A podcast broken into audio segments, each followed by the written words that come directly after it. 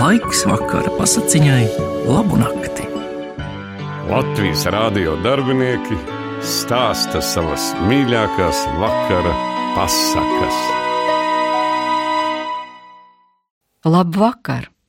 Mani sauc Mairits Notiņa, ikdienā tiekamies ģimenes studijā, bet šovakar stāstīšu jums Mārs Cilēns pasaku Harijs un Ziema, kuru tik daudz reižu esmu lasījusi priekšā savam dēlam Miķelim, īpaši pirms ziemas iestāšanās.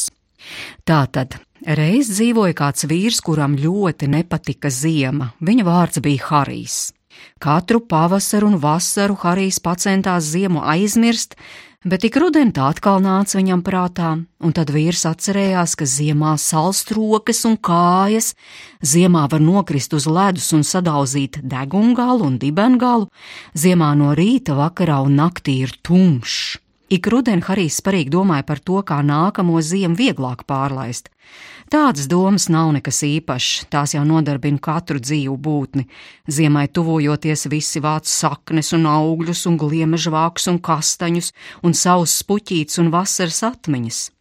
Daži uzaudzē biezu vilnu, citi noda siltus cimdus un zeķes, viena daļa dzīvo radību sagādā malku, pārējie iekārto siltu un sausu migu. Oh!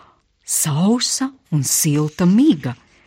Cik jauki pārlaist augstos ziemas mēnešus omulīgi iekārtotā migā. To rudeni, kad ziema apdraudēja Hariju 40. reizi mūžā, viņš nolēma, ka neveltīs sniegam un ledumu ne acu skatienu. Hm, lai ziema dara, ko grib, es gulēšu mīkstā migā, Harijs klusībā priecājās. Viņš tūdaļ sadabūja vairākas mācību grāmatas, kurās bija aprakstīts un zīmējumos attēlots lāču migas. Tā kā Harijs bija izglītots vīrs, viņam nepavisam nebija grūti šos labos paraugus pielāgot savām vajadzībām. Un vajadzību Harijam bija diezgan daudz. Viņš tā kā nebija tik vieglprātīgs kā lācis, kurš migāņam līdz tikai ķepu, ko sūkāt. Harijs gatavojās ņemt līdzi konservus, sēgas, kabatas, lukturītes, sērkociņus, pasi, vitamīnus, aspirīnu, nažus, āmuru un dažas naglas, adatas un diegu, grāmatas, dambreti, vēstuļu papīru, podiņu ar kaktus, istabas termometru. Hm, ko tad vēl? Ak jā, protams, kalendāru, lai viņš zinātu, kad jālien no migas laukā. Mantu sanāca tik daudz, ka Harijs sievai un visiem trim bērniem divas nedēļas bija ko noņemties, lai aizgādātu tās uz meža biezokni, kur ģimenes galva raka bedri, izklāja to ar zariem, pieblīvēja ar sausām lapām un nodrošināja pret visām briesmām. Harijs nostrādājās līks, turklāt viņa būvbedri bija atklājis kāds sēņotājs, kurš par to pavēstīja citiem sēņotājiem, un Harijam nācās atbildēt uz gudriem un dumjiem jautājumiem un noklausīties gudrus un dumjus padomus. Darbi ievilkās. Labi, ka sieva un bērni palīdzēja kaltēt baltās sūnas, sabērst smaržzālītes un izkārtot mantas tā, lai vēlāk Harijam viss būtu pat vērienam. Paldies Dievam! Īsi pirms ziemas atnākšanas miga bija gatava. Harijs sieva piesprāda pie smilšu sienas savu jaunības dienu fotografiju, savukārt bērni izrotāja telpu ar krāsainiem zīmējumiem. Harijs jau gribēja sarīkot paskumju atvadu vakaru un tad likties ziemas guļā, kad vecākais dēls viņam prātīgi teica: Paklautēt! Laika ziņā stāsta, ka pirmais sniegs uzkritīšot jau rīt vai parīt, Tas taču notiek vienreiz gadā, vai tad tu liksies migā to nesagaidījis? Hmm, pirmais sniegs kariem pa garo gadu bija pavisam piemirsies. Pirmais sniegs viņam ļoti patika, kā gan citādi. Es varu līst migā pēc tam, dažas dienas neko nemainīs, vīrs nodomāja, papriecāšos par sniegu, drusku papikošos ar bērniem, varbūt uzcelsim sniega vīru un pēc tam būs jautrāka gulēšana.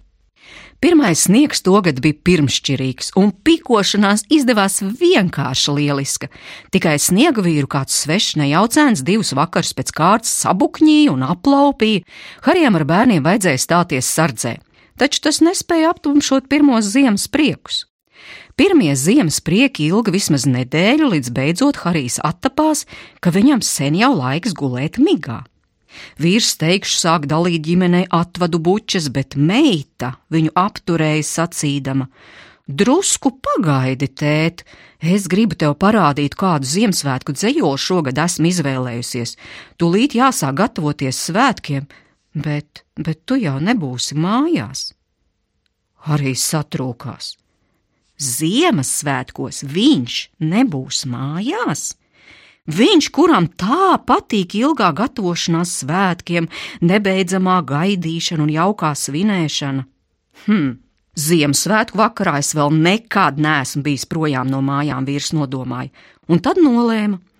Likšos migā tikai pēc svētkiem, tad varēšu gulēt un atcerēties ēglīti, piparkūkas un dāvanas. Togad, tāpat kā gandrīz visus gadus, Ziemassvētki bija brīnišķīgi. Miga Harijam ienāca prātā vienīgi tad, kad bija pagājuši ne tikai pirmie un otrie, bet arī trešie, ceturtie un piektie svētki. Nu gan bija jāsteidzas. Bērns sabāz tētim kabatās pēdējās piparkūkas, sieva cieši aptin šalli viņam ap kaklu. Asaras rīdam viss jau stāvēja uz sliekšņa, kad Harija mazākais puika pēkšņi atcerējās: Tēti, janvārī man jāiet uz karnevālu, vai tu nezini, kā pirāts sien to melno apsēju ap aci? Harijs panācās atpakaļ gaitenī, piegāja pie spoguļa un pamēģināja pārsiet vienu savu aci ar šalli.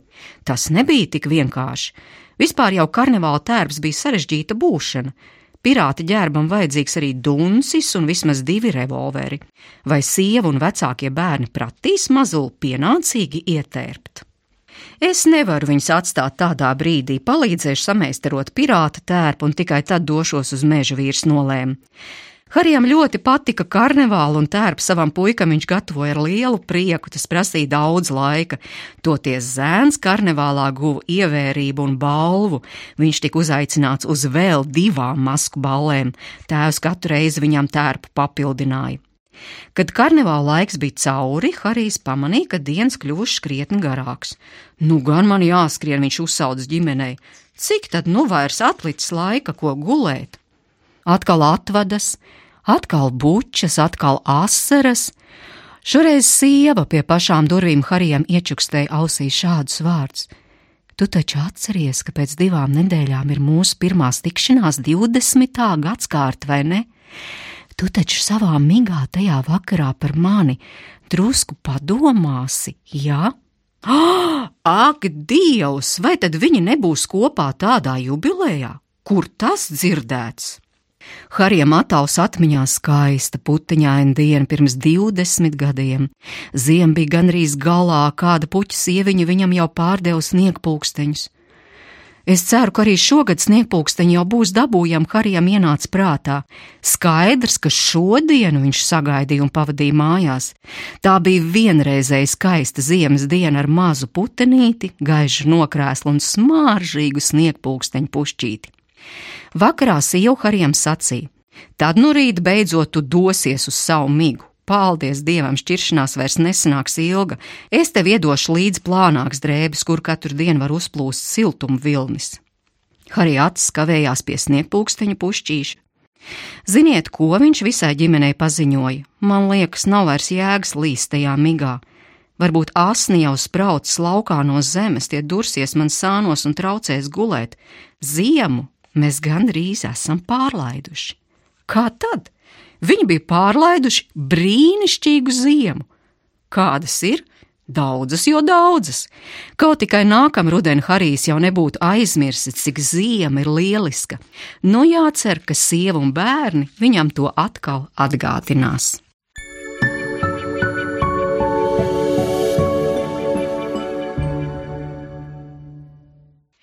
Māras Cielēns pasaku Harijs un Ziema jums lasīja es Latvijas radio viens ģimenes studijas vadītāja Mairitas Notiņa.